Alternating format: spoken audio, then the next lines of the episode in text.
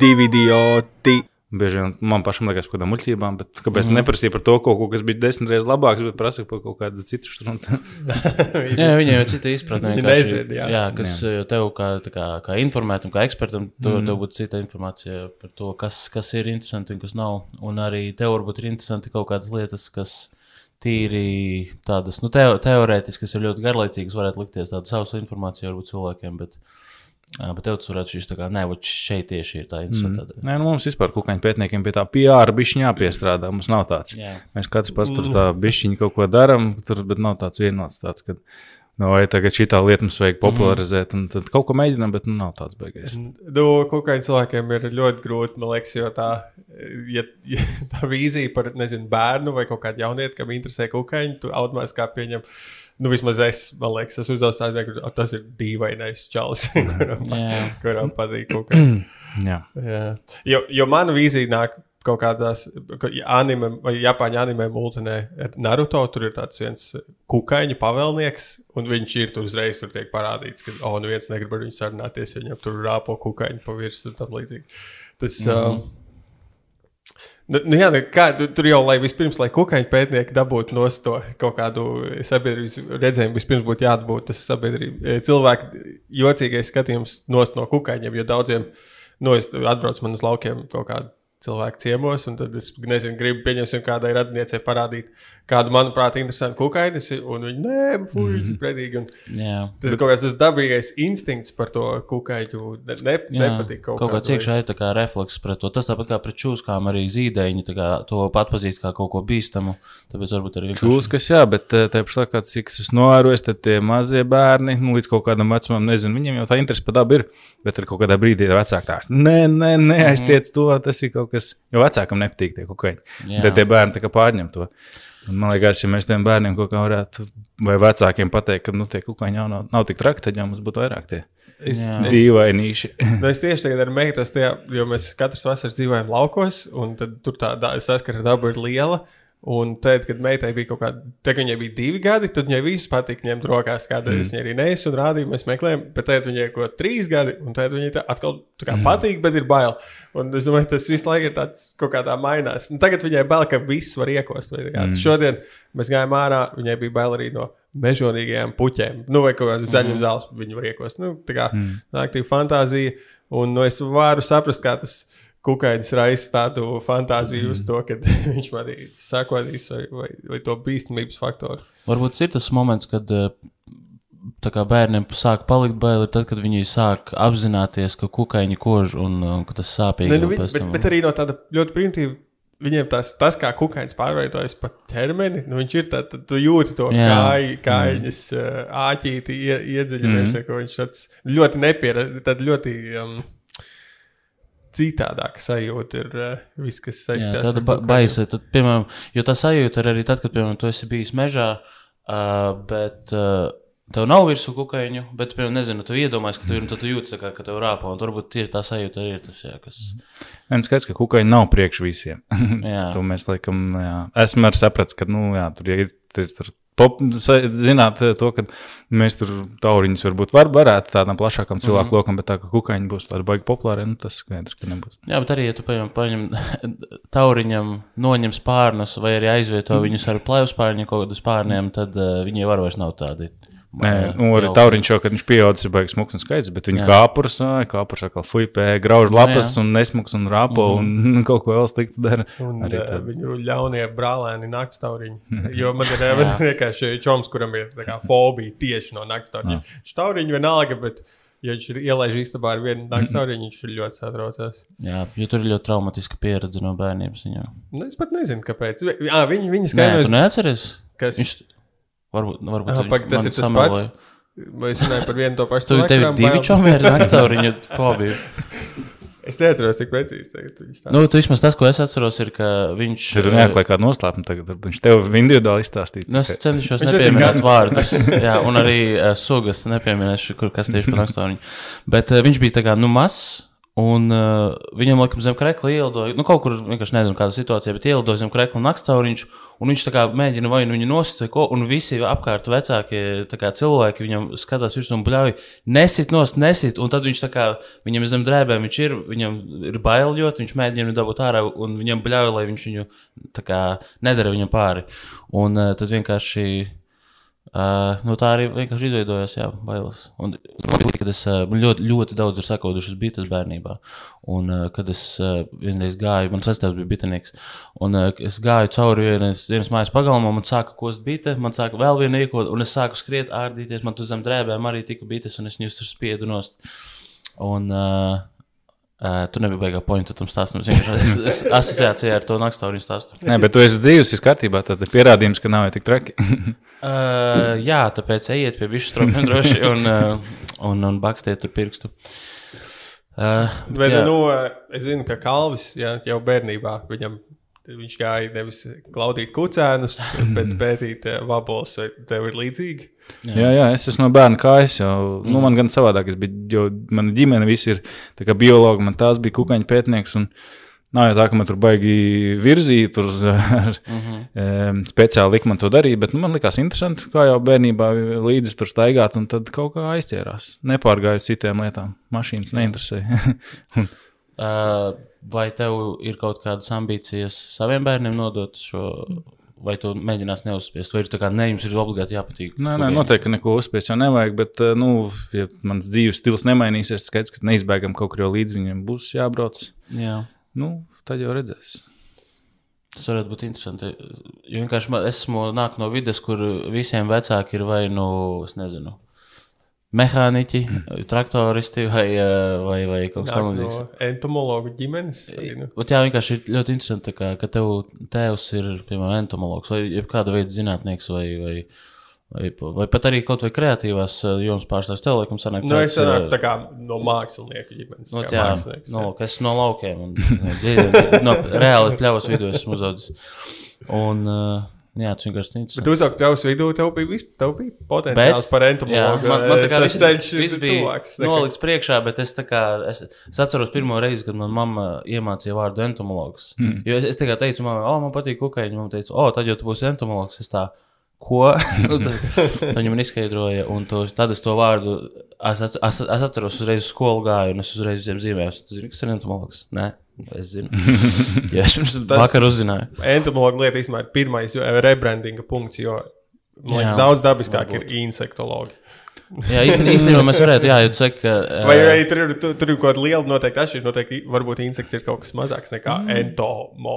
nekā, Nē, es, jā, jau šādi izcelsme, bet. Uh... Jā, divi pointi par šo. Pirmkārt, jā, mums vajag izdomāt, tad, ja jums ir slikts PR ar entomologiem, jā, kas mums jāuzlabo. Tātad pirmais jau ir Nosaukums. uh, nosaukums. Un otrs, kas ir ļoti svarīgi, uh, uz cik mums vien, viena kukaiņa epizode bijuši? bijusi? Jā, vai, hmm. vai, jā, vai nocēt, uģi mums ir bijuši speciāli dedikēti kukaiņu epizodes. epizodes. Jā, bet tātad pats galvenais, ar ko es esmu sastapies bieži, ar ko mēs sastapamies iepriekšējā sērijā, ir uh, paskaidro lūdzu pāris teikumos, kas ir kukaiņas. Tāpēc, ka man ir cilvēki, piemēram, iepriekšējā sērijā, es, es mēģināju izstāstīt kaut ko par dažādiem kukaiņiem, un Emīls visu laiku, vai tas ir kukaiņas, vai tas ir kukaiņas, tas ir kukaiņas. Man ir cilvēki prasījuši, kā gliemeži nav kukaiņi. Nu, lūk, un tad vai tu varētu apmēram tādu saprotamā valodā, lai cilvēkiem vairs nav, jo visi šo dzirdēs. Jā, jo nu, visbiežākais ir tas, eh, ka zirneklis, man liekas, ir kukaiņš. Nu, visvieglāk sajaucamais. Nu, Bet tad noteikti ir Nu, es vados tā tad pēc kalvija, un kā mēs palīdzam, es vados, ja ir sešas kājas, tad tas ir kukaiņš. nu, tas arī īstenībā ir pareizi, jo tā ir viena no kukaiņu tādām galvenajām pazīmēm - sešas kājas. Protams, citās gadījumās, nu, ja ir, ja runa par zirnekļiem, neviens jau tur neskaitīs. Varbūt kājas, jā. ja ir bail no viņa, tad baigi to jāpiet. Bet, nu, ja tā ir no zinātnes viedokļa, saka, jā, kājas ir tas kukaiņu tāda nu, tāda unikāla īpašība un arī spārni. Ja mēs runājam par tādiem bezmugurkalniekiem, kas ir lienojoši, rāpojoši, tad tie, tas, kas mm. ir ar spārniem, tas viss būs, būs kukainis. Okay, tā tad uh... visiem kukaiņiem ir spārni. Nē, nu, viss, kam ir spārni, ir kukainis, bet ne visiem kukaiņiem ir spārni. Bet, tā, bet tādā ziņā ir spārni, tad tas ir kukainis. Jo. Jā. Jo ir kaut kāds attīstības stadijas, ja kāpuriem nav, protams, spārni, ir arī bez spārnu kukaiņu un tā, bet, eh, ja nav spārni, nu, tad var skaitīt tās kājas, vai skaitīt ķermeņa daļas. Tad, tad kukainis, ja tā skatās, mums būs viedokļi, ir galva, krūtis, vēders, zirnekļiem, piemēram, tur galvu krūtis kopā auguši un tā tālāk. To sauc par galvkrūtīm. Tieši tā. Es ik paliekam ar, ar ļoti sakristotiem pirkstiem. Lūdzu, kaut būtu taisnība. Eh, Izmetīšu kādu faktu. Bet, uh, jā. Tātad es ceru, ka nevienam vairs nav jautājumu. Nē, nu tad Vēl viena lieta. Es, es, tātad, es, pa, es pastaigājos mežā brīvā dabā, un es eh, redzu savā priekšā kaut kādu dzīvnieku. Pirmais čekoju sešas kājas. Ček. Čekains. Spārni ir, nu, tas vairs nav svarīgi, jo viņam ir sešas kājas. Nu Jā, galvenais, Jā. nes, nu, ir tā, ka kā, kājas diezgan trausli tādi orgāni kukaiņiem un vispār bezmakalniekiem. Citreiz varbūt kukainis vabola četrām kājām, jo viņi divas ir pazaudējis, un zirneklis arī divas pazaudējis, viņam arī sešas kājas. kā.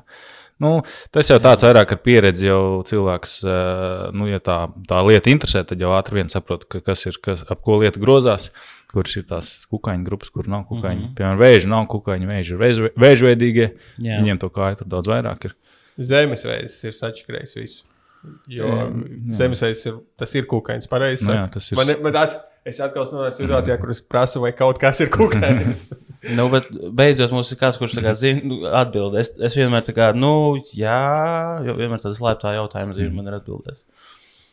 Tad zemesveids ir, bet viņš Jā, par- vārds ir jā. Bet par zemesveidu interesanti, ka droši vien daudz nezina, ka viņš ir sienāžu tā kā tuvākais radinieks. Viņš patiesībā tāds zemē dzīvojošs sienācis. Jā, viņš ir vizuāli ļoti līdzīgs. Viņš atgādina- vizuāli ir ļoti briesmīgs. Viņš, ir- jā, es atceros, mums bija bērnībā, nu, nevis mums bija bērnībā, bet kad es biju mazs, mums mājās stāvēja burka ar spirtā, ar zemesvēzi. Un man vienkārši pateica, nu, tas ir zemesvēzis, bet es domāju, viņš izskatījās tā kā tāds. Kad no šausmu filmā vienkārši tur burkā, tur es nekad dzīvē viņu nebiju redzējis.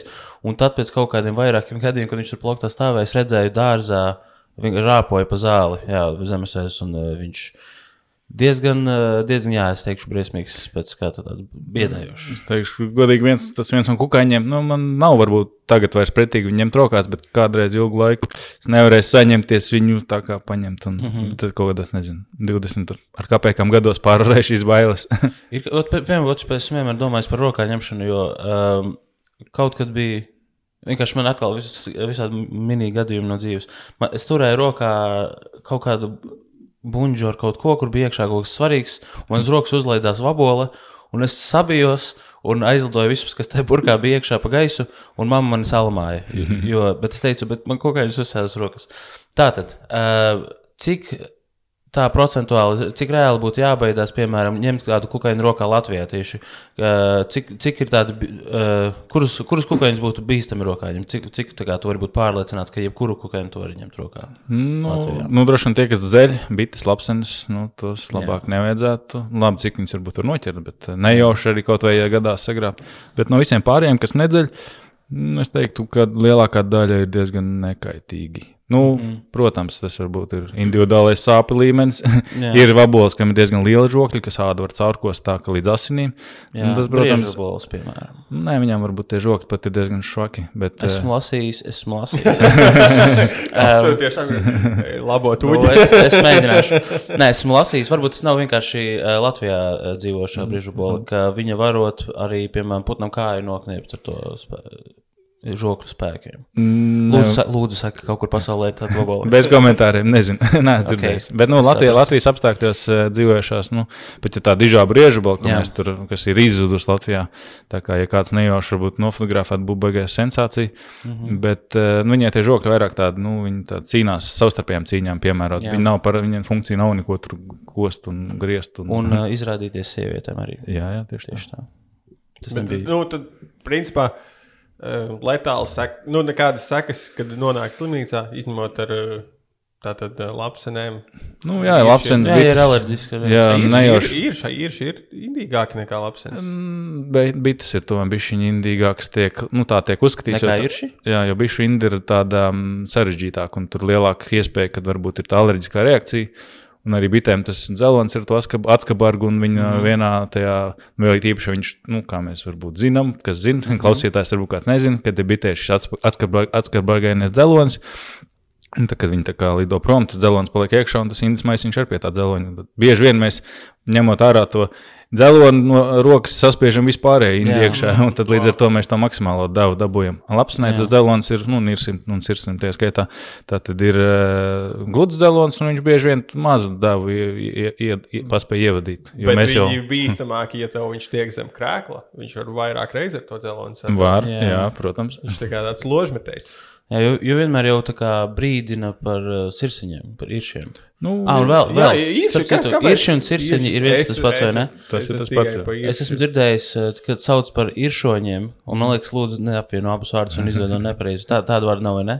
Nu, es domāju, tas ir kaut kāds vietvārds, ko varbūt kaut kādā uh, Latvijas nostūrī lieto. Es esmu dzirdējis visus variantus. Es pats uh, uzskatu, ka sirdsens ir tāds zinātniskāks, bet Jā. jo irsis, nu, kaut kur briežus tā sauc par iršiem arī. Tā kā, Briežus? jā, ir tāds vietvārds arī.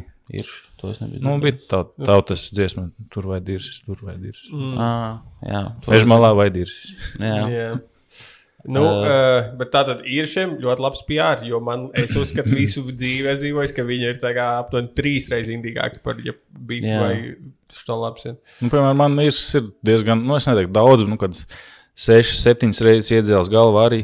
Nu, tas viņam uz ceļa uzsēdies virsū, uzkāpis. Nu, es neviena reize nav bijusi tāda, kad es teiktu, tas daudz trakāk par biti. Tev ir eh, tātad um, pašaizsardzības uh, grā- punkti pret īrsiju ir istabā, jo man, man vasarā ir regulāri jācīnās ir šiem. Man nav neviena iecienīta schēma. Uh, Pārsvarā es cenšos viņus izlaist ārā, bet, ja es nevaru izlaist ārā, tad es dodos cīņā ar grāmatu, kādu smagāk mēģinu mm -hmm. notriekt viņu gaisā.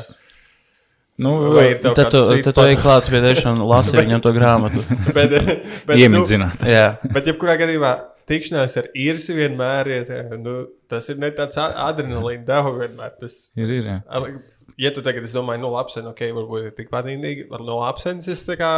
Uh, mazāk baidos, jo, nu, laikam, tāpēc, ka bērnībā es redzēju, kā vecmāmiņa viņas ar īkšķi vienkārši spieda un man likās, mm. nu, bāc, ja man vecmāmiņa Sirdsniņas? nospiest- Nu, šīs lapsenes. Ah. Viņam, pieņemsim, sitās pret logu, tikai, Jā. tikai galvu un to vidukli saspied un nokrīt. Bēdēs vecumā tev bija. Jā, bet no iršiem viņi tā kā brīdināja. Nē, nu, ir ir, protams, bišķiņ vairāk tā inde, un ja viņam ja gadās tādā situācijā, ka viņš to visu indu var izlādēt, nu, tad ir trakāk.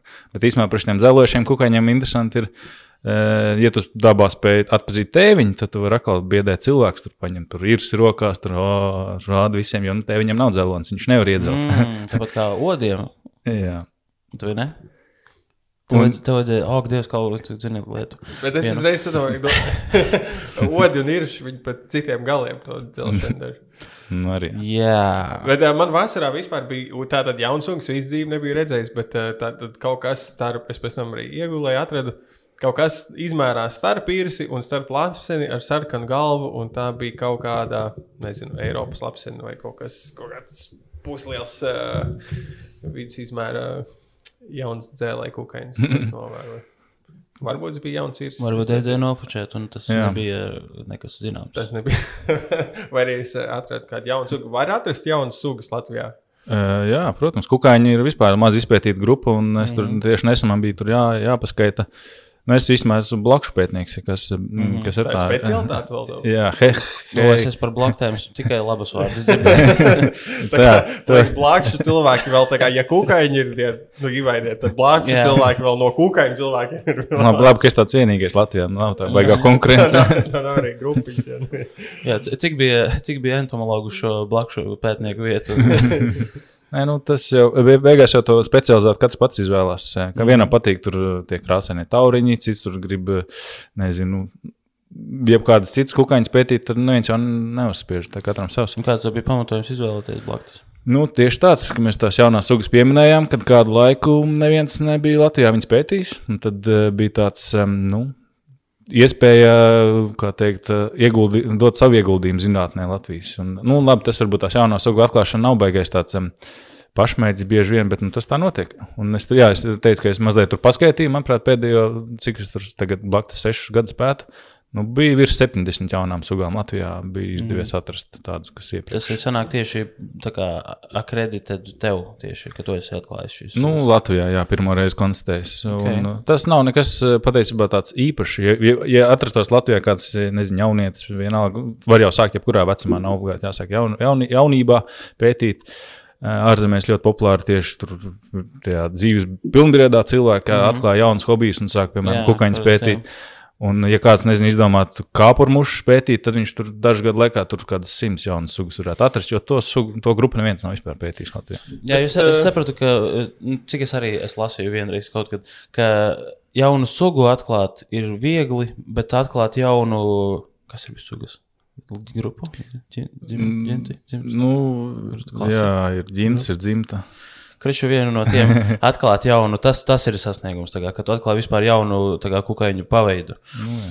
Bet, nu, jā, jāsaprot, ka mēs te runājam, bieži vien cilvēki, tā kā e, es viņam pasaku, es atklāju tādu, tur blakti Latvijā pirmā reize, viņš pasaka, kādā, kādā, kādā vārdā viņu nosauc par godu. Kam. Jā. Bet te jau ir runa par sugām, kas jau ir zinātnē zināmas, ir jau citas zinātnē, viņas Latvijā pirmā jā, tieši tā pirmā reize konstatē. Viņas arī tur sanāk, viena no otras atšķirās par, viņi ir tur šī ir tādu toni zaļa, un šī vienkārši druskuļi tumšāka. Jā, es kas, redzējis, kas, tik, kas piepiešās, ka nu, šī ja, vienkārši par vienu strīpiņu vairāk uz muguras. To, ja par vienu strīpiņu vairāk, tā ir ļoti tāda uh, raksturīga pazīme. Tas ir nesajaucams sugas. Tās ir jau visinteresantākās. Kas, ir, kas ir tā kā, nu, suga, kur tu atklāji, vēl liekas, nu, bācis, nu, tik minimāli atšķirīgi no iepriekšējās, bet, nu, jāskaita. Man negribas paper, paperworku krāt. Kas ir tas mazākais, mazākā izmaiņa, ko. Tā ir ļoti dažādi. Kā to? Nu, ļoti dažādi piemēri, jo ir, piemēram, nu, ir, nu, ir noteicēji īpaši, kurus mēs izmantojam, lai noteiktu sugas. Tur jāiepilda visādām noteikšanas tabulām. Un tad, nu, ir, piemēram, jāskatās, nu, ir kukainis, kas ir, nezinu, 3 mm liels, un jāskatās viņam pakaļkāja pēdiņas, otrā posmiņa garums. Vai viņš ir mm -hmm. divas reizes garāks par trešo posmiņu, vai tikai pusotru reizi garāks par trešo posmiņu. tas ir tieši tas, kā es to iztēlojos. Tā tad ja šī vabola ir identiska, bet viņiem vienkārši lielākas kurpes, tad vienkārši tā ir cita jauna suga. Bet, nu, par laimi, ar kukaiņiem tādas pazīmes nu, nemainās. Tad nu, ir okay. katrai sugai raksturīgas, tādas diezgan konstantas. Un, nu, tāpēc viņas tiek izmantotas noteicējos. Jo ir varbūt kaut kādas citas pazīmes, kas ir bieži vien saskatos kaut kādas, man liekas, krāsojums ļoti raksturīgs, mm. bet krāsojumu vispār neizmanto noteikšanā, jo viņš tur mainās. Tur vien, vienu brīdi tur galva tumšāk, otru brīdi gal, gaišāk varbūt. Un, es esmu redzējis, kur man šķiet, ka kas tā ir lielā skrejbola vai kaut kas tam līdzīgs, kur, kur viņas vienkārši atšķirās vizuāli. Viena ir zila, viena ir zaļa daļa, bet viņas izskaitās viena suga.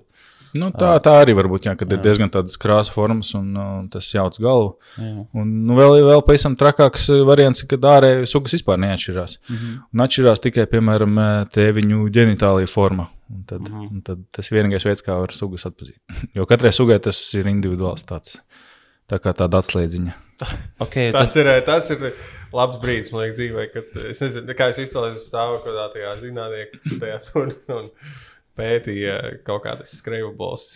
Krāniņus un salīdzināja viņu. Un pat neizmēra, bet formu. uh, kā, uh, labi, šis būtu pārāk ģenerāls jautājums. Kaut kādu, es nezinu, Es gribēju teikt, ka tev, tev nav ko pajautāt. Nē, es vienkārši man, es sapratu, ka tas būs stulbs jautājums. Bet jautājums ir, uh, vai kukaiņu uh, krāna izmērs pret pārējo ķermeni, uh, ķipa, vai viņi var lepoties ar savu mantību. Un tas sapratu vienkārši, ka kukaiņi tas ir pārāk plašs jautājums. Jā, tur ir ļoti dažādi. Jā, jā bet piemēram, labi, tev specializācija blaktis vai tā kā. Nu, tur arī diezgan dažādi ir tādas, nu, bet lielākoties tas izmērs nav tāds liels. Līdz ar to arī tad, nu, ir runa par to, ka mēs visu darbu noteikšanu veicam tomēr zem, zem binokulāra, zem mikroskopa mm -hmm. palielinājumā, jo rats tur neko no tā nevar saskatīt. O, es ceru, ka blakus to nedzird. Ne? Ne. Viņus noteikti nedzird, jo nu, šajā, šajā brīdī ja jāstāsta tādas pazīmes, nu, tās blaktis, kas mm -hmm. tiek pētītas, viņas tiek iemidzinātas un nogalinātas. Tā kā, un tālāk ievietotas kolekcijā, lai neiet zudībā šis materiāls. Es domāju, ka jūs tā kā, lai. Um, Tipa veids, kā tikt pie tā krāna, ir jūs viņu rādat kaut kādu kukaiņu pornogrāfiju, un tad tas tā kā, oh, kur ir, un tad fiks izmēram. Nē, tur ir mikroķirurģiska operācija ar skalpelīti. Nē, bet tā arī, kā jūs, jo tas uh, loceklis viņam vienkārši nekarājas, tā kā mums. Jā, ir vaboliem tīpaši, viņš ir tā kā iekšā vēdera dobumā, un tad jā. tur nāks pat ar ar adatiņām, ar, ar, ar skalpelīšiem, mikro izmēru. Mikro, mikroķirurgs. Jā, jā, mikro, jā. mikro tieši. Nanoķirurgs. Uh, jā. Nu, par, tātad tu pieminēji, ka jūs tās vaboles iemizat tam līdzīgi, vai tu redzi, ka nākotnē, tagad, nu, pieņemsim, ar veģetārismu, eh, un tad, eh, kad tā gaļa nākotnē ar vien mazāk tiek patērēta, un tad dažādas alternatīvas cilvēki meklē, un viena no tām alternatīvām jā, skatās kūkaiņu virzienā. Vai tev šķiet, tas ir ētiski pieņemami, ka mēs esam vienojušies par, ka kukaiņas būs ok lietot pārtikā, un kā tu vispār redzi kukaiņu? Es- Uztur, uzturā lietošanu. Jo mana pieredze, tā tad es nopirku tos kraukšķus. Tā tad kaut kur es redzēju, man Facebookā bija reklāma, bija tāds, ok, es pamēģināšu. Es nopirku tos maziņus, tādus, nezinu, ģenerika, ādamos kukaiņus, ko kāds Latvijā taisīs. Viena bija saldivie, viena bija sāļie. Mēs mājās ēdām. Uh, meita arī ēda divgad- divgadīgā, viņai Mm. patika, viss vis bija priecīgi. Vēlreiz viņas nenopirku, un vēl es nopirku tos kukaiņu miltus, kas man kaut vairākus gadus nostāvēja plauktā, un es viņus tā arī nekad neiz, neizmantoju. Tieši pirms nedēļas, es skatījos, tad domāju, nu, viņi tik ilgi stāvējuši, ārā. Nē, nu tā droši vien ir kaut kāda nākotne, bet nu, tas droši vien ir ilgu laiku būs nišas produkts. Un, uh, tas tie, tie milti droši vien ir tas, kā, kā vienīgais veids, pagaidām, kā es redzu, kā viņas varētu tādā plašākā apjomā. Nu, iesmērēt cilvēkiem. Jo pārējais būs tāds, jā, kā saka, vienreiz nopirkt, pamēģināt. Bet tā, tā. Es arī esmu no šiem, ko tagad tur parādījušies, neko neesmu mēģinājis. Bet eh, kādreiz studiju laikos uh, bija interesanti. Nezinu, tur ķērām sie- sienāžu cepām. Nu, tas tur jau? Jo Tieši tā, es nebiju. Ko. Jā. un, eh, un, eh, un, nu, tā garša nu, viss atkarīgs no kādās garšvielās viņu iemaisīs, tā viņš ir garšos. Jo pat Labi, pašam jā. viņam nav nekāda Mm. tāda. Jā, jo tu ēd to karkasu spēlēm, kuram, man liekas, nav tāda, viņam tāda nekāda garša. Nu, garša principā, nav jā. Nu, vismaz var jau būt ir kaut kādi nu, treknieki, kaut kādi kāpuri. Tādas Jā. neesmu beig mēģinājis, un, nu, ko arī tur rāda filmās, kā ārzemēs, Jā. visādi papos un citur tur vēl kā ārā milzīgos Mhm. treknos. Jā. Varbūt tāda savādāk garšo. Bet, nu, es tādu, es domāju, lai pieredzinātu cilvēku, iemācītu, ka to ir ok ēst. Protams, jāsāk ar bērniem, un tāpat kā bērniem jāmācās, ka nezinu, no kukaiņiem nevajag baidīties. Tāpat, ja pieņemsim, man meitai ļoti viegli izdevās viņu pārliecināt, to pamēģināt. Viņai nelikās vispār, nu, tur kaut kāda, ak, Dievs, ēst kukaiņu, tas ir kaut kas briesmīgs. Uh, un, ja veikala plauktos kādreiz redzētu garām, man būtu iespēja teikt, hei, apsies, re, kur mm. Kukaiņus dabūt, varbūt šī to grib nopirkt kaut kādā saldumu vietā. Un es redzu, ka bērni varētu izvēlēties, ka tas ir pietiekami dīvaini. Tu nevari, na, nu, ir maz tādas, ok, tās zīltiņas, vēl kaut kādas kaltētās, bet ir maz tāds mm -hmm. produkts, kurš ir tāds diezgan. Savā ziņā tas brū, brutāls. Tas mm -hmm. vienkārši reāli kukaiņš mm -hmm. ir kaut kādā mērcītē, kur tu paņem. Jā, tāpēc arī milti varētu būt tas veids, kā sākt, jo tas nav, nu, tu neredzi, ka tie ir kukaiņi. Tur nav maisiņš ar kukaiņiem. Garšu droši vien īpaši nemaina produktam, Jā, jo jā, prot, nu, jā. ko tas olbaltumvielas, olbaltumvielas.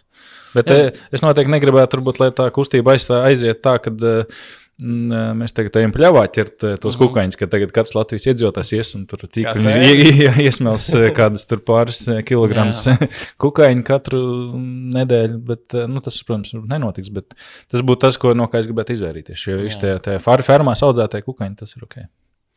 Ja, nu, un par to, eh, to tā teikt, pie, eh, akceptēto eh, kukaiņu dzīvības nevērtību. Jo, piemēram, nu, nav tā, nav īsti pieredze, es nezinu, tev pagalmā traucē kaut kāds putniņš, tu viņu nošauji, un tas ir ok.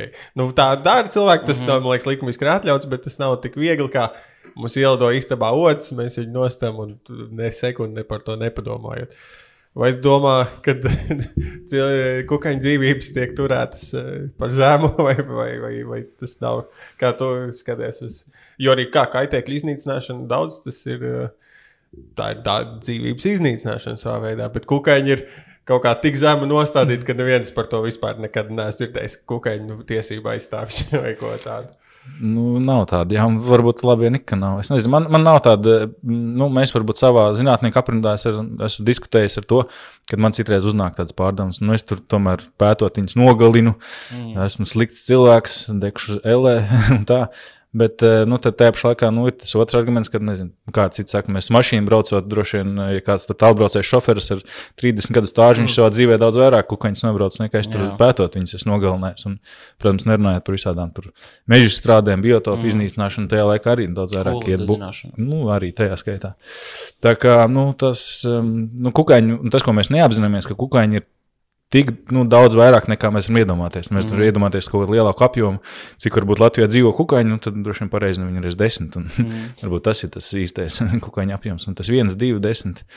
Tas neko tur nemaina. Jā, es, es tā tad biju pagājušajā rudenī vai kādā vasaras beigās. Bija kaut kādas naktis tajā mm, pie ķīša ezera vietām. Mm -hmm. Es redzēju, t- to arī tur runāju, stāstīju, rādīju, kā šis te kukaiņš ir. Es nezinu, kā saucās tā lieta. Jā, bija tāda lieta. jā. Kukaiņu naktis vai kaut kas tāds. Kukaiņu naktis. Un uh, ļoti forši runājām, ļoti patīk. Mēs bijām ar ģimeni, bija interesanti. Tur tātad viena no lietām, jā, kas man pārsteidz, kad uh, Uģis rādīja, demonstrēja tādu kukaiņu ķeršanu, kā notiek mm. nu, pie pētnieciskiem nolūkiem mm. ar to palagu visu eh, pļavas tajā likšanā. Un, nu, Tā ir, tā ir lieta, ko man citreiz patīk iztēloties. Es eju cauri mežu, un es domāju, ja, es tā, ja tu apstājies un paskaties uz zemi, jo ilgāk tur sēdi un skaties, jo vairāk tu pamani īstenībā, cik mm -hmm. daudz tur dzīves tur staigā. Un tad tu tā kā vari nedaudz izolēt, un kā saka, droši vien man jāpieliek vēl mm -hmm. vairāk tie kukaiņi nav vizualizācijā, un ka viņi ir visur, mums ir ļoti daudz apkārt. Jā, tas ir. Tā ir. Bet pilsētā to nu, šajā telpā, cik kāda domā, cik mums ir kukaiņi šajā telpā? Nu, tur kaut kas sēž aiz, ka nevar saprast, vai tā ir beigta muša vai kas. Tā, tā ir beigta. mums. Es jau ievēroju, ie- ienācu jau tā, no, nopētīju visus stūrus. Vai te nav kaut kas? Jā, Zinātniskais tas Nē, man tāds ir eh, profesionālais, jo nu, es jau redzu kukaiņus visur. Un, eh, bet jā, kukaiņi ir visur mūsu dzīvokļos arī. Man dzīvoklī tā tad dzīvo uh, uz koka grīdā, dzīvo tādi ļoti, ļoti mazi ar brūnu muguriņu vabolītes, kuras meita citreiz noķer un tad saka, orgas noķer. Un tad vannas istabā uh, dzīvo tādi gari, tad, nu, maziņi, bet tādi sudraboties. sudraba kaut Tie no tie kādi. silverfish vai kas Kaut cits? kāds Sudrabainā zvīņa, maziņi. jā. Jā. Jā. Un tad viņi, tad, kad ieslēdz gaismu no rīta, viss kaut kur pazūd un tad naktī Jā. uzrādās. Tā mazā brūnā vabolī droši vien ir uh, angliski viņas sauc par vodka beatlu. Vodka? Kā, tur ir kāds paskaidrojums? vai- Tāpēc, kad uh, viņa latīniskais nosaukums ir Atagenus Smirnovī. Nu, tā kā no Smirno, Ok, Smirno. ok. Bet tas ir atgrauzis, kurš pārtiek tā kā no dažādiem dzīvnieku izcelsmes produktiem. Nu, tur nezinu. Vecā āda, mm. tādi arī nezinu, droši vien mūsu nagi, nezinu, mati. Kaut kas Jā. tāds, viss, kas zem divām, tur tumšākais kaktos eh, laika gaitā sakrājās, tas Jā. viņiem arī ir, ir kā, kā pārtika. Jā, es esmu redzējis tādas, man liekas, tā kā mazāka par rīsu graudu. Nu, pats, ļoti kā Ļoti sīk. jā. Kaut kas tā, kāda kukaiņa tavā Manā mājā dzīvo. dzīvoklī. Um, à, bija uh, iepriekšējā dzīvoklī, kur es dzīvoju, bija uh, uz vasaru tieši ļoti daudz mušas saradās. Tas, bet tas, tas tā, man bija problēma pārtikas kodas. Ta- Tas bija, ar, nu, viņiem, cik es saprotu, ir pagrūti tikt vaļā tā ļoti ātri. Tur Nu, ir, internetā iesaka māju nodedzināt un vēl kaut ko. Uh, nemēģina tik tālu, kā īres dzīvoklis. Uh, bet, jā, nu es ar viņiem tā arī vienkārši sadzīvoju. Tas, ko es darīju pa lielam, ja, ir es vienkārši viņas spiedu nost. Bet pa lielam, cik es sapratu, viņas, ja tu redzi, ka kā pieaugušus eh, individus lidojam pa telpā, tas nozīmē, ka ir daudz vairāk kaut kādu kāpuru un, uh, un oliņu kaut kur jau, nezinu, miltos un visādas pārtikas, atvērtos pārtikas produktos. Un, uh, jā, nu, ot, tas, tas, es viņus tur neievazāju, jā, mm. chill. Es tur jau viņas biju, kad es ierados, ievācos. Un, tā es arī ar viņiem netiku galā un izvācos ārā. Mm. Jā, Nu, tā mans uh, profesionāls kretīnisms, jā, tas ir pārtikas svilnis, nevis pārtikas koda.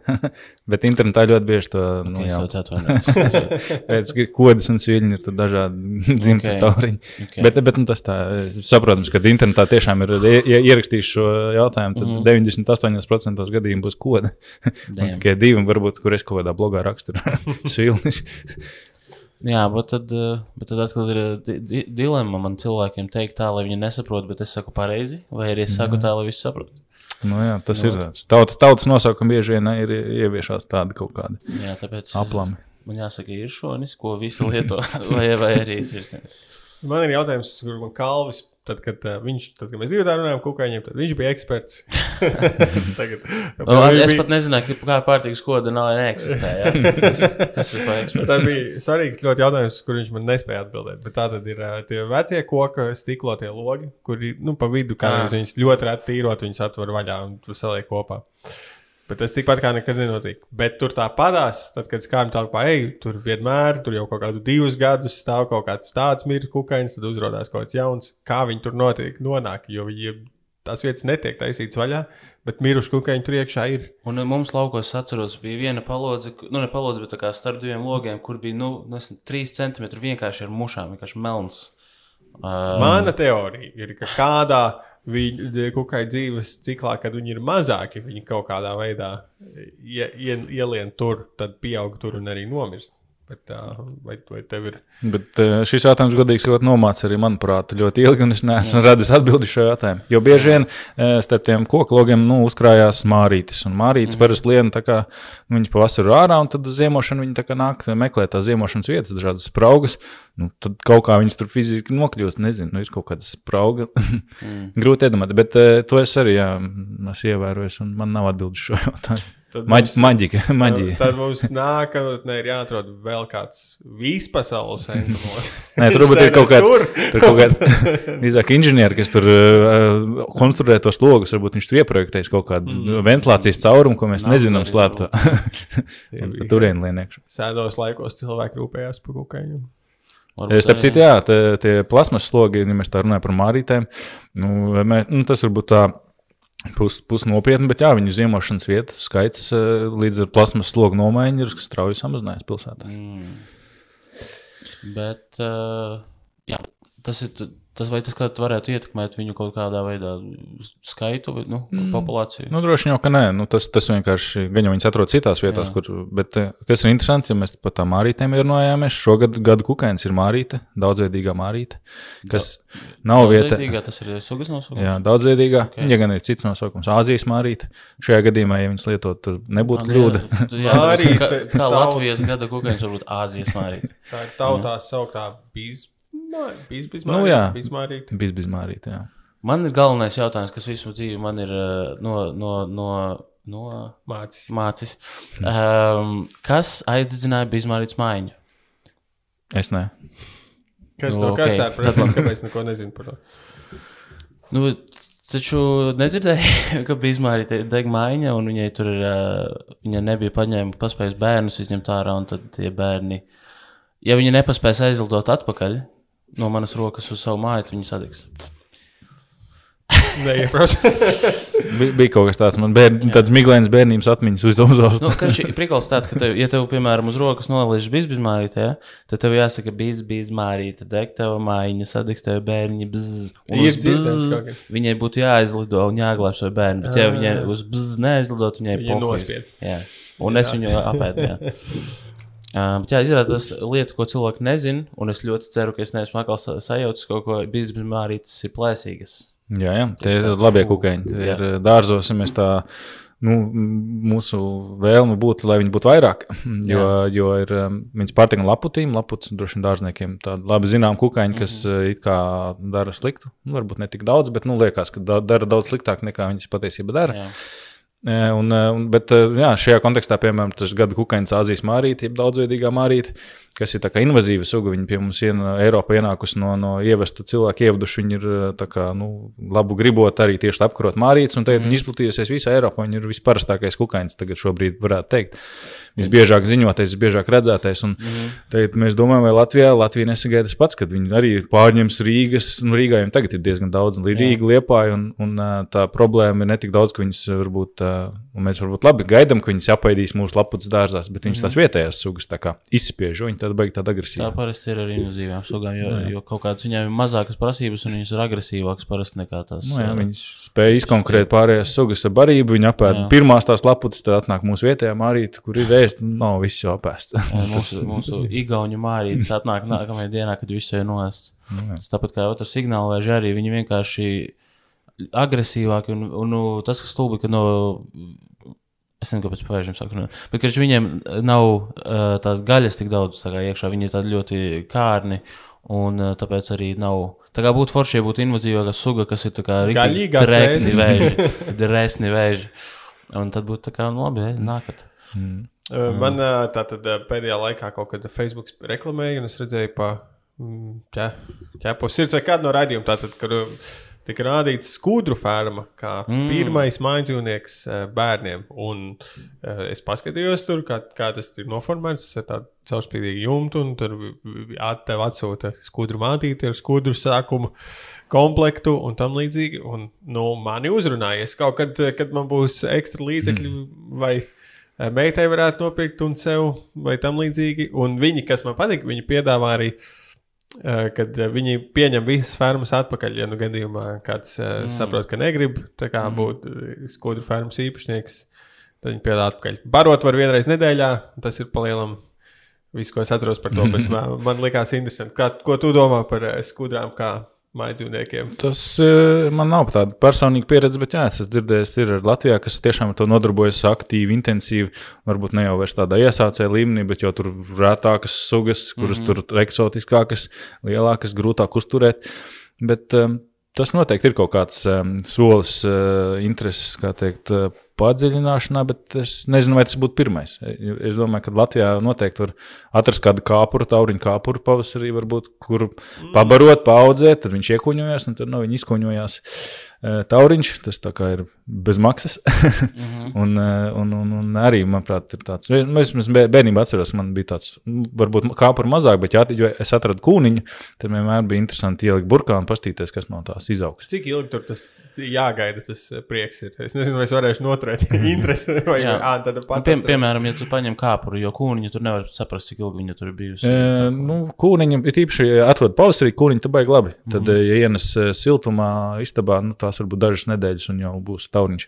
Nu, vai vienalga, kas tur iekšā var mm. brīnum iznākt arī. Un, eh, bet, ja piemēram atrod rudenī eh, kūniņu, nu, tad viņai Latvijas apstākļos jāziemo, nu, tad tur ir mm. sarežģītāk. Tur jāliek okay. leduskapī. Uz pavasara kūniņām varētu pieteikties. Jā. Kas man ir jādara? Es, es esmu laukos uh, savā laukumā, gan jau kūniņas kaut kur tur man ir. Jā. Kur man viņas meklēt un ko man ar viņām iesākt?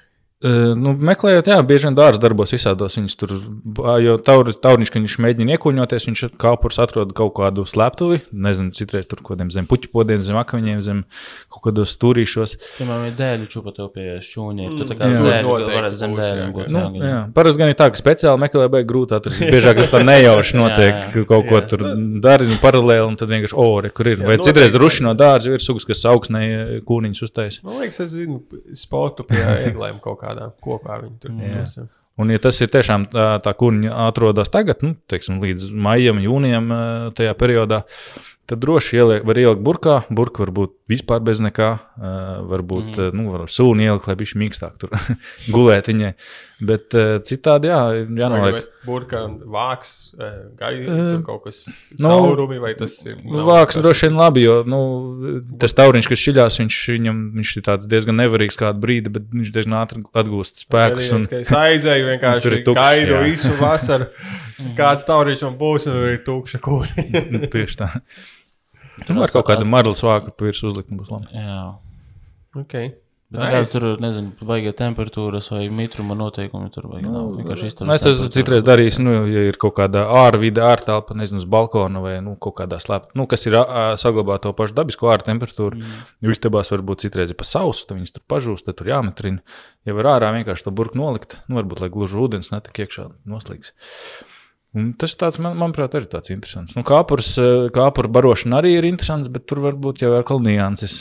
Jo, jo tauriņu mm. kāpuri katrs sēda nereti kaut kādu noteiktu.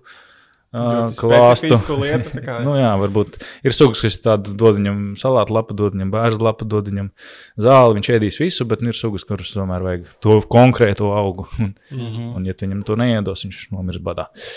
Bet, eh, bet nu, jā, tad ir jāzina, kas tā pa sugu. Tad, tad ja zina, sugu, tad, ar kūniņu. Jā, mm -hmm. bet ar kūniņiem ir interesanti. Un, eh, jo no kūniņas ir, nu, ir piemēram, tauriņa kūniņa. Tu varbūt pat zini, kas tā pa sugu. Gaidi, ka tur izlīdīs kaut kāds smuks sfinks vai kaut kas. Tur izlien kaut kāds jātnieciņš, kas ir viņa parazitoīds, mm. kas ir tur bijis iedējis viņā olu, un tad ir no smukā tauriņa izlien kaut kā lapsena. Tikai kinderolas liktā vienkārši. Es atceros, ka es biju es kaut kad pie Karš pie Gatara, es neskaidrošu kontekstu, bet Karš pie Gatara bija. Un, uh, un es redzēju, ka Jātnieciņš viens uh, kā, bija nostājies un ar, ar savu ādatas fucking kā to sauc, kā ir nosaukums tam. Un Tas ir dējeklis. Ar savu dēļekli, ja es nevarēju atcerēties vienkārši. Ar savu dēļekli, uh, urba kokā caurumu kā mm. dziļi. Un es uh, vienkārši sēdēju un visu laiku to procesu skatījos, kā viņš tur ļoti ilgi, lēnā garā. Viņš, viņš tā kā viņam ir, nedomājis, tā kā odam ir deguns, jā. Ja? Sauksim to par degunu. kā, kā, kā ir oficiālais termins, otrs deguna? Snuķis. Nu, Dzē- Snuķi? Dzēlē, nu tā kā, jā, Ah. nu snuķis, principā. jā. Kurš snuķis, jā? Karaču, viņš, ta, eh, man vienkārši ļoti fascinēja tas, ka kokainis, kuram tas uh, dēklis, jā, viņš nav, nezinu, no metāla, jā, tas nav kā... Viņš pat ir elastīgs, viņš pat lokās. Ja Ot, pirks jā, paliek, viņš jā. lokās. Nu, Bet viņš var eh, Es tur pirkstu gan klāt negribēju tikai es domāju, tu uzkoku. Bet jā, ideja, ka viņš, kas viņam galā ir tā kā zobi, Nu, kaut tā kā zāģis, zāģis jā, maziņš. kā, jā. viņš vienkārši ieurbjās, un viņš ir garš, nu, tik, da- tik mm, garš apmēram. tā varbūt. Es rādu šobrīd audio podkāstā. uh, nu, 5 cm apmēram. Un uh, viņš to visu var, kā, cik nu viņam vajag ieurbt iekšā kokā un iedēt tur uh, oliņas, un tad tur izšķilsies kāpuriņi. Stāsts, cik viņš krūts ir. Jā, tāpēc ka man nu, rīktīgi patīk. Es atceros arī, ka vienkārši bērnībā bija vienā grāmatā uh, ilustrācija, un man liekas, viņš tik ļoti kaut kas. Tā kā alien, kaut kas ļoti mm. svešs, un, un tad es redzēju dzīvē, un man vienkārši es biju uz dīrsas. Jā, jā, nē, tas ir tiešām ļoti tādi u, fantastiski kukaiņi. Un arī tas, kā viņi spēja atrast, jo nu, ir baļķis un tur kaut kur vidū ir kāpurs. Jā, jā. Viņš jau viņam, jo par cik tajā brīdī, kamēr viņš ir eh, dur, viņš ir diezgan nu, tāds ievainojams. Viņš nevar eh, to dēkli pēc tam ātri izvilkt ārā. Viņš praktiski tur kā iesprūdus tajā baļķī. Jā, Viņš jā. nevar tur liekt, tur durt, durtīties, iedūr vienā vietā, iedūr otrā Jā. vietā. un Viņš tur ātri putnā pēdīs. Es esmu redzējis citreiz, kad palikuši tikai vēders ar dēkli un pats eh, kukainis ir jau apēsts. Tā kā viņiem jābūt ļoti precīziem. Viņi tur eh, kaut kādā bija tur pētījumi, kā viņi ar antenām, tur mm. -hmm. kaut kādām tur vibrācijām un term, temperatūru visu nosaka. Smalki Nu, Tas tāpat kā dzeņi arī liekas, ka viņi randomā kaut kur kaļās, bet viņi dzird tos kāpurus zem uh, koka virsmas, un tāpēc viņi kaļās noteiktā vietā. Kā ir, vai kukaiņiem ir kādreiz cerības ap, nu, apmācīt, kad, kad nu, blusu cirks izrādījās ir fake, kā es eh, vēlāk pieaugot uzzināju. Vai ir kādam izdevies nodibināt kontaktu ar kukaiņiem? Kā tas ir ar Kopīgu valodu. zīdējiem vai zīdītājiem vai citiem? Mm, Laikam, laikam nebūs gan. Nu, tāpēc, tāpēc arī tos kukaiņus cilvēks uzskata par tādiem nedaudz dīvainākiem, jo viņi tik ļoti ir ieinteresēti. Jums ir ļoti vien, vienvirziena attiecības ar kukaiņiem. Kukaiņi pat nespēja reģistrēt it, it kā jūsu mūsu eksistē, eksistenci. Tā, tā varētu teikt. Nu, eh, kaut kā man liekas, ka tad, kad es noeju garām kādai vārnai vai, vai sunim, es no viņa, man liekas, ka starp mums notiek kaut kāda apmaiņa, ir, nezinu, reakcija vai tam Mhm. līdzīga, bet ar kukaiņi viņš vienkārši uz. Es neesmu nekas viņam. Nu, tu vienkārši man liekas, tas tik ļoti tālu atdalījies. ā, Tā kā. Pie, nu, blēd, sugu. Šķi, kā tu sauc? Ko, Kā, ko, kā vispār ir? Jā. Tā? Es piedodu, ka jau pārtraucu. Jā, viss kārtībā man nebija tur. Evolūcijas ķēdē, es zinu, ka tur rāda tās kaut kādi zīvtiņu spēli, tad Nu. no. viņi sāk rāpties ārā uz zemes, tad viņš tur kļūst par to tur zīdītāju, tad pieceļās kājās un ir cilvēks. Kur tie, kāpēc, kur tie ķēdē ir kukaiņi? Viņi ir blakus, jā. Viņi vienkārši ir vēl atpakaļ. Tā vēl pirms zivs. Ā, Zivs, no, ku, no zivs no kukaiņa radās. Vai tas ir jā, cits okay, atzīmes? tas var tā saukt. Nē, nu, tur, jā, tur kaut kur atpakaļ tā sadalīšanās Jā. notika, notika vēl iepriekš. Un, Jā, jo vienkārši, jo, jo agrāk jo, kā jūs to atdalāties no zara, jo citādi, tā kā ļoti citādāks, atšķirīgāks uh, tu esi izskaties un eksistē no tā, kas turpinās. Tas, protams, ļoti primitīvi tā teikt, jo nu, mm. ķipa, tā it kā būtu viens zekoks, kuru ar, ar katru individu kā salikt atpakaļ. Uh, bet jā, aptuveni ļoti tā. Jo man ir ļoti patīk trilobīti, kas ir tā kā varētu būt kukaiņu. Uh, um, Fucking, ans, es, es. Senči. Senči, ancestors man ir. Ah, nav īstā diena, kad ierakstīju podkāstu. Trilobīts. Trilobīti man ļoti pa- jā, patīk. Uh, man bija doma, ja es taisīšu nākošo tetovējumu, tas varētu būt trilobīts. Jā, vai tu zini? Tad, kad tu pateici trilobīts ar jautājumu zīmi, tu gribēji pateikt, ka tu nezini, kas tas ir. Varbūt Uģis varētu izskaidrot, kas tas man ir sajūta, ka tu pat trilobītiem zini vairāk kā es. Godīgi. Uh, nu, tas tā kā, vai tu zini, uh, horseshoe crab? Es nezinu, kā latviešu tas ir. Tas tā kā Es, iedomājies. man liekas, Latvijas viņas pēc zobenastiem sauc. Jā, tas tā varētu būt. Zini, ko nav svarīgi. Es tev pēc tam parādīšu. Labi. Tas tā kā karš um, aizvēsturiska mitrena, tā varētu pateikt. Kas dzīvo uh, uz ūdens, jūrā, okeānā. Ok. Nē, es, es, mūs, es pats veikšu savu izpēti. Man vienkārši ir sapnis kaut kad aizbraukt sārumā, tur uh, pa, pa, paskatīties, pameklēt uh, fosilijas, jo tur varētu būt, ka tur mm. atsegumi ziemeļu daļā. Uh, man, man ir jautājums par to, kā izstāsta entomologa darbs. Nedaudz, jo man, Man bija tieši tas pats jautājums. man, uh, man rados ir uh, arī ģeo, ģe, geologi, un tad es esmu, pieņemsim, braucis vasarā. Bija tāda haltūra, kur braucu kaut kādas purvas pētīt, un tad es aizbraucu. Es biju tikai šoferis, aizvedu viņus. Viņi tur aiziet purvā, kaut kādas ņem paraugus stundām ilgi. Tad, nu, tur nedēļa, tad aiziet nākamajā dienā uz citu purvu, un tad visi brauc uz laboratoriju to visu apstrādāt. Tad, Tavā entomologa gadījumā ir līdzīgi, tikai jūs braucat nevis ņemt zemes paraugus vai augu paraugus, bet jūs braucat ar to palagu Nu, jā. ķerat kukaiņus. Jā, es gribēju pi- papildināt, tā kā gada griezumā, kāda izskatās entomologa ikdiena Latvijā. Nu, teiksim, šobrīd, eh, kad jau sniegs ir nokusis, nu, man jau īstenībā tā kā tāds narkomāns, man jau rokas trīcis, vēl neesmu bijis īsti dabā. Tagad šogad kukaiņus vēl meklēt, skatīties. Es gribu izrauties, eh, nu, šodien vēl nesnāks, varbūt nākamnedēļ, tad es būšu laimīgs un priecīgs. Bet, principā, jā, tas līdz ar pavasara iestāšanos sākās tā lauka darba sezona, kad mēs dodamies dabā. Meklējam, eh, katrs no atti- attiecībā no savām interesēm, no savas pētniecības grupas, dodas tur uz tādām vietām, citām vietām. Nu, pa visu Latviju var braukt, nav, nav nekāda ierobežojuma, protams. Tad ir tiek ievākts materiāls. Nu, šajā gadījumā, cik es strādāju muzejā, es priekš muzeja kolekciju krājumu papildināšanas vācu sugas. Jo mums tas lielais mērķis, lai, lai mums muzejā būtu pārstāv, vismaz kāds pārstāvs no katras Latvijā sastopamās kukaiņu sugas. Mm. Protams, tas nav varbūt īsti reāli, bet mm. tiekties uz to mēs tiecamies. Tas varbūt mērķis vienkārši tas varbūt nesasniedzams, bet kā mērķis tas labs man šķiet. Nē, nu, kaut kādu noteikti, nezinu, 80, 90% mēs varbūt varētu Jā. sasniegt, bet nu, tā kā 100, un tas, jo ir sugas, kas ir izzudušas Latvijā, mm. mēs viņus vairs nevaram kaut kā atgriezt laika mašīnā, iekāpt. Jā. Nu, jā, un tad vasarā mēs pa paļāvām, purviem visur dzīvojamies. Katrs eh, nu, daļai paralēli jau notiek tā materiāla apstrāde, bet nu, jā, tas, tas pamatdarbs eh, pārējais eh, notiek ziemā. Krāmiem burks ārā no saldētavas, no leduskapiem. Mhm. Un tad darbojamies kā nu katrs, ko nu dara. Okay. Jā. Tad, bet tad es saprotu, nu, tas lauka darbs, tas ir tas, kas tev tuvāks ir nekā Jā, nu, ziemas darbs. Nu, protams, bet uh, es, piemēram, arī tur fotografēju kukaiņus. Tad ziemā tas ir interesantais, varbūt pat tās fotografijas apstrādāt, jo citreiz nu, mm -hmm. sakārtot sa, sa, pa mapītēm, ko tad es tur nofotografēju. Bet, uh, bet jā, tad, uh, kad ir tas uh, materiāls ievākts, tad jau arī īstenībā ļoti tāda interesanta. Tas darbs, jo tās jaunās sugas uh, bieži vien tu vari uzreiz jau pateikt, ka tu esi to jauno sugu atklājis. Bet nereti tu viņu tajā saldētā atrod.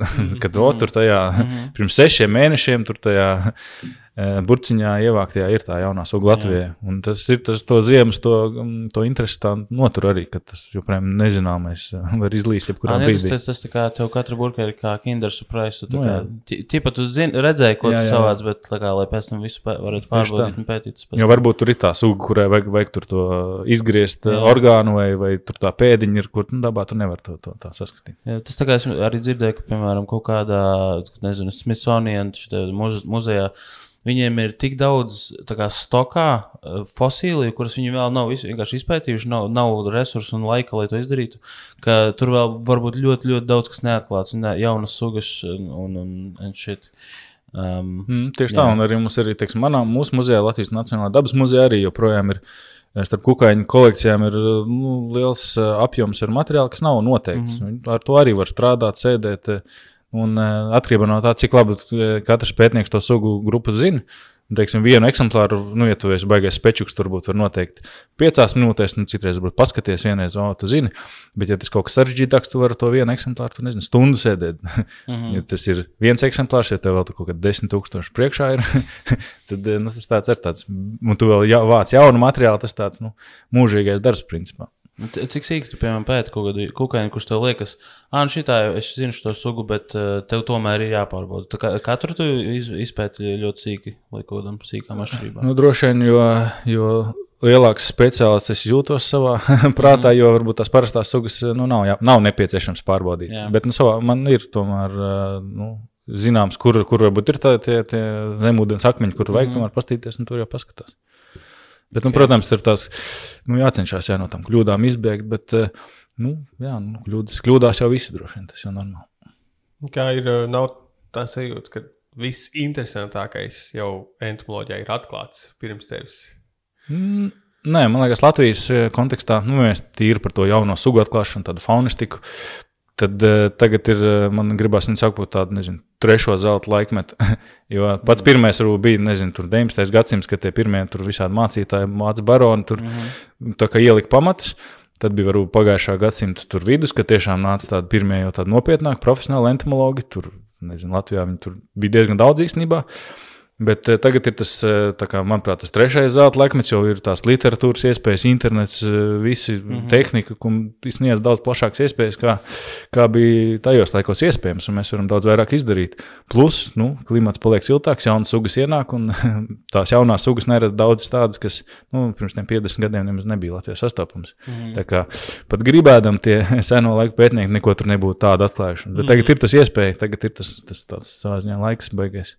Bet nu, okay. mēs esam baigi maz šie kukaiņu pētnieki. Uh, tad man jautājums par no šī atlicot. Um, ja kāds, piemēram, klausītājs vēlas kļūt par entomologu, uh, tad man ir pa, vairāk papildu jautājumi. Vai, vai, vai, tu, vai ir kā, kaut kāds moments, kad ir par vēlu kļūt par entomologu, uh, vai obligāti tev ir jāiet skolā, lai kļūtu par entomologu piemēram, piedalītos kaut kādos, nezinu, pie, kaut ko iestātos entomologu biedrībā?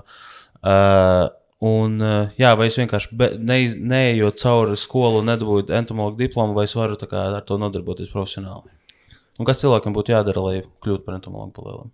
Nu, par vēlu noteikti nekad nav, un eh, tā profesionālā tā tā, tā izglītība noteikti nav obligāti nepieciešama. Jo, godīgi sakot, kad es studēju, nu, vispār nu, skaidrs, ka tur mācās tādas varbūt vispārīgas lietas, kopsakarības, bet tur mhm. nemācās atšķirt tās sugas tādā, tādā līmenī, kā tas nepieciešams, lai varētu kaut kādu grupu pētīt.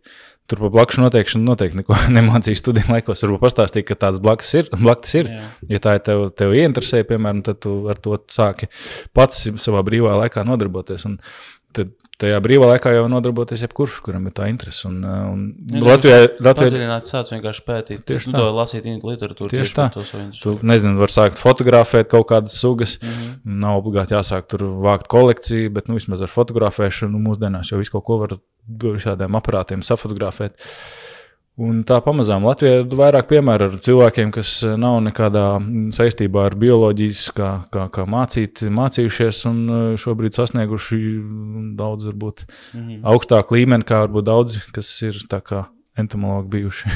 Okay. Es domāju, ka komiķi nomainīja. Kuru darbu tu mainīsi? kā, kā ir vispār no entomologa var nopelnīt? Jā, vai, vai, vai, jā, man interesē, vai varbūt tas ir tas pats. Nu, kā komiķa gadījumā, nu, ja tu esi komiķis, tad tev ir jābūt vēl kaut kam, lai, lai tā pelties. Nu, jā, vai, vai entomologiem arī ir tas pats liktenis, kad uh, kaut nu, kas vēl jādara visu laiku. jā, vai entomoloģija kā cieta naudas dēļ? Nē, es neesmu dzirdējis. Nē, man šeit neviens neiet naudas dēļ. jā, par mil miljonāru laikam es arī neesmu dzirdējis, ka kāds Latvijā būtu kļuvis spētot kukaiņus.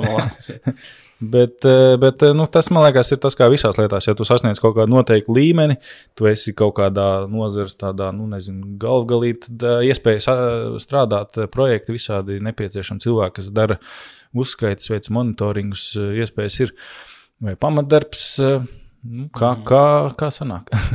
ja sanāk tas Tad, kas tev sanāk darba devējs? Kā, tu strādā, vai ir tādi freelance entomologi? Ir, ir, nu, varētu tā teikt, bet nu, lielākoties ir piesaisti tomēr visiem pie kaut kādiem institūtiem, zinātniskiem mm. institūtiem, universitātēm un citādi. Nu, tie, kas varbūt tiešām brīvā laikā dara, nu, tad tiem ir kaut kāds cits pamatdarbs. Jā. Okay. Tad, jā. Iet man lasīt kukaiņus, un tad uh, tirgu zem lētas pārdot. Nebūs variants. Es starp citu, jā, kukaiņu kolekcionēšana, tas arī Eiropā ir nu, varbūt ne ļoti plaši izplatīts, bet ir cilvēki, kas tā, kas tā pelna naudu. Vai kuri no kol viņi kolekcionē un pārdod kolekcijas. Jā, bet, nu, protams, eh, nu, tur ir runa par kaut kādām īpašām sugām. Nu, tādas Latvijā, no Latvijas sastopamām sugām būs ļoti maz tādas. Jā, neviens varēs... negribēs musta domestika. Jā, un kāposta balteni. Tieši tā. bet, nu kā, varbūt, varbūt es varētu, tā kā es iedomājos. Tad skaists rāmītis, tur pieņemsim 12 uh, Latvijas tauriņu sugas, uh, skaists noformējums, pārdot kā interjeru dizaina priekšmetu. nē, Tādas, tādas noteikti var. Tāda varētu. Es nezinu, tur jāveic tirgus izpēta, cik tas. Nu, Bet, es, tā kā es esmu cilvēks, kas, kas ar to ir nodarbojies, tad uh, tirgus izpētes, uh, secinājums pēc tirgus izpētes ir, ir dīrsā. Tāpēc, ka, Visi, kuriem tas interesē, ir gatavi paši to darīt. nezinu, kā ir, es, piemēram, ar, ar uh, tā bijuši draudzeni, kad es to darīju, uh, taisījām, es pats taisīju tā kā kartonu rāmīšus, es pats stikloju, pats visu kā no nulles vienkārši ar atrastiem kukaiņiem, un pirms es turpinu, uh, kā, ko- kāds ir tavs, tā kā, tīri no ētiskās puses, piemēram, uh, piemēram, es atrodu, tad, kad nāk piemēram, vasara, es atrodu zemē maivaboli. Ja? Viņu, viņas ir dahojā, es paņemu to maivaboli, eh, es viņu taksidermēju, sauksim to tā. Uh, versus es atrodu dzīvu maivaboli un es viņu ielieku saldētavā. Vai arī alkohola garīgums, kas bija otrs variants, ko es atradu toreiz, kā nogalināt. Un, uh, vai, vai tu redzi kaut kādu ētisku problēmu ar to, ka atrast dzīvus kukaiņus, nu, pie, pieņemot, ka tie nav ai- aizsargājumi. Uh, bet ļoti bieži sastopami, piemēram, t, uh, ņemt viņus, nogalināt, ja, air quotes, un uh, tad izmantot uh, tieši taksidermijai. Vai ir kaut kāda problēma tev ar to? Un, ja, ja tev nav ar to problēmu, tad es to turpināšu darīt. Ja ir, tad es to neesmu nekad darījis. Nē, pro problēma nu, ir no likuma viedokļa tikai runa par aizsargājumām sugām, Jā. Kuras nu, tās tā kā nedrīkstētu. Bet, Jā, bet tā uh, vispārīgi. vispār es nedomāju, ka tas ir kaut kas tāds, mm. -hmm. ko. Šeit, lai gan mēs atgriežamies pie to, ko teica Emīlija, ka cilvēki uzkāpa kukainiem, ir pofīgi, vai arī nostoda. Bet, ja tu tur, es nezinu, sabrauc putnu, tad uzreiz saka, nē, tas ir silts un dzīvnieks. Bet, nu, jā, lai, lai, lai ievāktu īpašu aizsargājumu sugas, Latvijā nepieciešama atļauja īpaša, Jā. bet uh, par citām sugām ārpus aizsargājumām teritorijām, nu, cik, tā, cik mana saprāšana liek, liecina, mm -hmm. tad ir kā nav nekāda, um, nu, nekāda problēma. Kas atšķirās varbūt no dažām citām Eiropas valstīm, jo cik Jā. es saprotu, piemēram, Spānijā un tur Grieķijā, nu, nedrīkst vispār kolekcionēt, tā kā iebraucot, tu tur aizbrauks un oh, maisiem. Nē, nē, es, nu, es, es iztēlojos, ka Spānija varētu būt tāds galvenais, kur pēkšņi daudz cilvēku no pasaules tur brauc. Jā, Jā, tur, tu- tur uz Latviju, nu, diez, diez vai. Jā, jā, ja Spānijā, piemēram, tur nezinu, tauriņš ņem kā piemēru, tur Pirenejos ir vesela virkne endēmisku sugu, ar tādām mazām lokālām populācijām, kur ir mm -hmm. tur tiešām visi Eiropas kolekcionāri gribētu savā kolekcijā. Nu, man tur vienu vajag, man tur divus vajag. Nu, tādu tur desmit tūkstoši varbūt cilvēku mm -hmm. visā Eiropā. un Tad, tad tas Kā mums pietiek, mēs varam taisīt eh, reklāmas, tā kā brauciet turismi, pie mums ķert tauriņus, var visu savā. Nē, mums Latvijā ir kā situācija laba, bet tajā pašā laikā tur tāds nu, neskaidrs gadījums bija tāds, nu, varbūt ir joprojām, bet drīzāk bija. Eh, Zil, es par setu zilanītis, tur Krievijas pierobežā eh, uz Grebļa kalna eh, Šķaunas osa dzīvoja. Nu, nav kādus gadus, septiņus, astoņus redzēts. Un Mhm. tad eh, nu, tur dažādas domas, kāpēc viņš ir pazudis, vai tur nebija varbūt kaut kāda arī kolekcionāra papildus eh, kaut kādiem citiem faktoriem. Tur. Mhm. Uh, tad, eh, nu, bet tā, tas varbūt tāds atsevišķs piemērs. Man liekas, visas pārējās sugas Latvijā ir pietiekami. Nu, nu, ja arī viņš nevarēs atrast tādā daudzumā, lai kaut ko noka- nodarītu sliktu. Bet, bet nu, tajā pašā laikā jā, aizsargājuma sugas nevajadzētu vākt, bet tu, tu piemēram, piemēram maivbolu. Nu. Majubola bija pats pirmais kukainis, ko es. Uh, uh, kā latviešu to varētu būt? Mau, nu, mountots, tā kā angliski. ir, nu, Latvijas kā mēs to pa plākšņošanu saucam. Plākšņi, kāpēc? Kāds paskatījums? Ē, Jūs tur nevarat vienā brīdī plāksni. Tas vairāk ir tā kā no tauriņu varbūt, um, pasaules, jo, kad tauriņš plākšņo, viņam tas spārnus tā kā izliek uz, uh -huh. uz, um, uz sāniem, tādā, nu, parasti tur 90 grādu, tur Jā. bleņķis, tur viss simetrija, un tad, nu, vai nu ar kaut kādām, nu, papīra plāksnītēm, nu, kaut kā nostiprina -huh. tos spārnus, Jā. varbūt no tā ir cēlies, un, bet, bet, nu, tā arī viss pārējos, kukaiņus mēs tā kā plākšņojam, nu, var arī teikt montēt, montēšana arī tāds, tā kā. Man, man patīk lietas. Tā plakšņa galīgi tā nepatīk. Jā, un uh, nu, tāpēc, ka plakšņošana es esmu līdzi arī nu, jā, tos spārnus, esmu līdzi ar tā kā papīrīti pāri, lai. Nē, kruču plakšņošana. Bet, um, starp citu, taisot. Um, Taksidermējot vienreiz, ne, monto, montējot, montējot aeroboli, ja, vienreiz. Mm. Es atklāju, priekš sevis tīri, es tur nav tā, ka es to atklāju, bet es nezināju, ka arī aerobolēm ir spārni. Tā Kā, un es, es viņiem pacēlu tos uh, aizsargspārnus, tos uh, bruņus, no, viens no tiem vārdiem pareizs. Uh, es pacēlu vaļā, jā, un, jo tā kā vienkārši tīri testēšanai, tāpēc, ka es biju iepriekš taisījis tur majobolas. Uh, degunraža obola beigtu, atradu. Mm. Uh, uh, zinu vietu, kur ir ļoti daudz degunraža obola. Ja tu interesē, tad. Uh, Tā kā sēņu vietas. Jā. Briežu bola. Um, Nē, deguna žubola. Brīžubola nav. Garša nav svarīga. Bet jā, karš es, es pacēlu, un vēl ko es pamanīju, ka aerobolas viņām ir viss kā uh, hidrodinamisks, jā, viņš bez, bez, bez matiņiem, bez nekā ļoti gluds, uh, salīdzinot ar to, kā iepriekš tur majobolē, tu zini, kā visas kājas ir, varbūt mēs to tā neredzam, bet viņas visas, visas spalvās, tā kā matiņos, uh, viss arī vēders viņai ir tāds spalvīgs, un citreiz ir tā, ka paņem, es skatos vairākas majobolas esmu licis, un viena, piemēram, ir ok, bet cita iekšā ir tā kā kaitēkļu, viss vis apakšā ir tādiem maziņiem, mm. uh, angliski būtu maitis, man liekas. Nu, tā kā ērcītas. Jā. Jā. jā. Un uh, es nezinu, neko es gribēju, ne, negribēju to pateikt, vienkārši Es, es, padalīties. tā, es gribēju teikt, nu, esam labi iesildījušies. Jā. mēs uh, tik labi iesildījāmies, ka mēs aizmirsām pateikt, ka mums šodien viesos. Tātad pie mums šodien viesos ir. Uh, es nevaru izdomāt iespaidīgāku um, vārdu salikumu par entomologu Sūģis Pitrāns. Varbūt domāju, tur kaut kāds tur pirms tam vēl oficiālāks, krūtāks nosaukums. Jā, ir vēl varbūt kaut kāds balvas, ko tu gribi Latvijas vadošais entomologs vai kaut kas tāds. Pašpasludinātais vadošais. Nē, nu, tas šobrīd mans amata nosaukums - vecākais entomologs mm. Latvijas Nacionālajā dabas muzejā. tas ir ļoti. Kalvs teica, es- viņš daudz tvīto. Nē, es, es domāju, ka drīzāk tu būtu vismaz plašākai publikai pazīstams kā Twitter entomologs.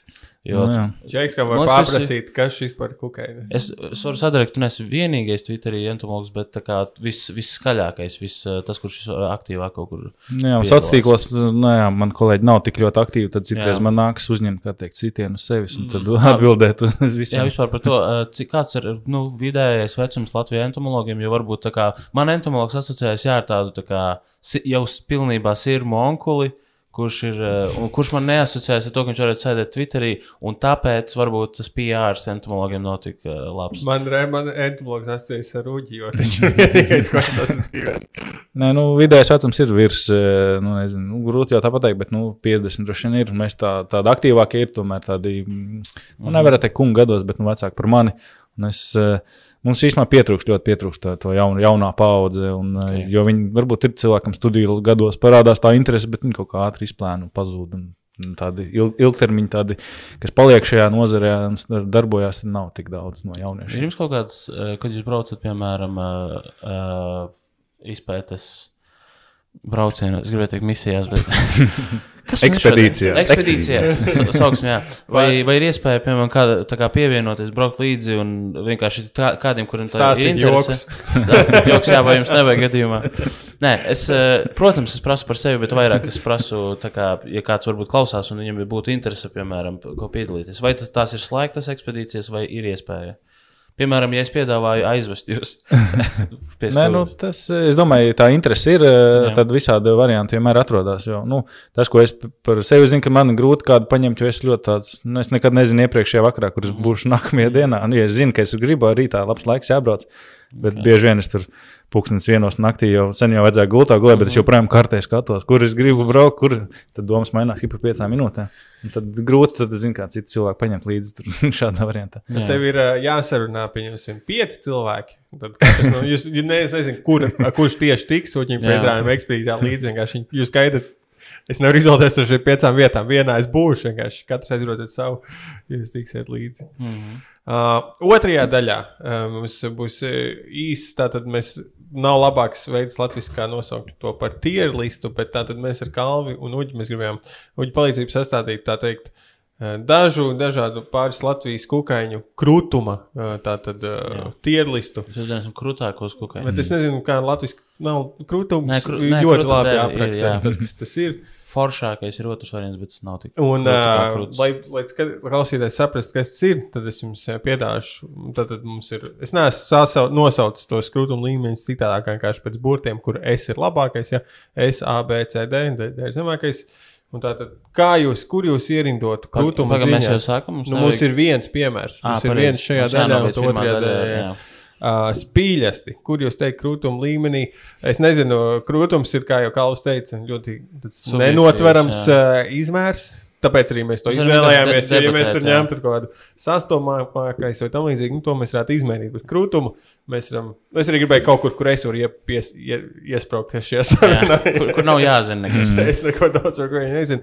Tad es pīļas, es noteikti uh, lieku augstu krūtumā, jo man ir, man ir viņi ļoti nepatīkami izskatās. Viņi ir mazliet smirdīgi, cik es uh, zinu. Un, uh, bet tāpat laikā viņi tā kā. Es spīļas redzu, kad viņi owns it. Nu, tā kā, viņi to savu pre, mm, bīstamību, nelielu smaku, tā teikt, labi iznes. Tāpēc es viņu liktu mm -hmm. ātrā. Tā tad, kā kriča otrajā no augšas. ja tev sākas ar S, otrais ir A, un tad aiziet pēc alfabēta. Vai tev, ja tev būtu tik daudz līdz S burtam, tie arī tev būtu S būtu lejā? Nu, nē, nu, tā ir. Labi, tas ir ok, es ierasts Prakse. Super. Super, jā. Uh, jā, spī, spī, es, es varu pateikt, es spīļas liktu otrajā no apakšas, jo cētā. spīļas tas fucking saks. Viņas smird gan pārnes, tā nozīmē, kā, kā es tikko iemācījos arī reāli, varbūt tās tikai tās, kas tavā mājā. Viņi smird, vai man tikai tā liekas? Nē, nē, tāds maciņš bišķi. Ok, tad viņas smird arī bīstam. Un, uh, jā, vienkārši man viņas nepatīk. Es nevienas nepatīk. Es nahu viņām vispār jābūt. Un uh, viņas var dirzt. Tas ir mans. Bet tas jau ir tas, kas viņus padara krūtis. Nē. Daudz, daudz kukaiņu, kas ir tik es- izteiksmīgi. nu, krūt- izteiksmīgi. Pret, labi, tas tas- Krūts pozitīvi. Tieši tā. Fuck you. T, uh, kru, uh, krūts. Nē, ai. Kā beidzot. uzspīļas liktu Es liktu otrajā, ā, jo O, o. man tikai man liekas, dēļ tā, ka viņam tie spārni, sekspārni, nu, ir tā kā nosedz tādus. Tie pakaļspārni plēvēnē, viņi salocīti. Tur YouTube video redzēt, tā kā tāda origami, tur nezinu, desmit dažādos Jā, no, no, locījumos. no to spārnu locījuma kaut kur. Tas iedvesmoja kaut kādu izgudrojumu. Jā, jā, origami. Tas stil, kaut kas tur bija, jā, un- savā- un- Tas ir rīktīgi krūti. Viņas tur lido reti, jo viņi tie spārni beigas laikam sarežģīti. Tur nu, Jā. pārāk bieži viņas to nevar locīt. Un tad trausls, bet ja viņš lido, tad tas ir baigi interesanti. Tad ir galvenais jautājums, ka, ko noteikti tas visiem ir prātā. Vai viņas var iekniept ar to dibenu? Var, bet uh, tas nav tik sāpīgi, kā varbūt uh, citi to. Viss, vis, ko šie cilvēkam ir bail no spīļiem, dzirdēja, ir jā, var. Viss. Var, var. Nu, tad es nezinu, kā mēs divi par- Eh, Bet es iztēlojos, kā tā, tā spīļas, kas ir tos spārnus izvalkus. un Tad, kad viņi iet garām spīļastiem, kas nav, viņas tā, tā gan ir krūtā. Viņi i- izvilka spārnus. Viņa bija tā kā, o, beidz izrādīties.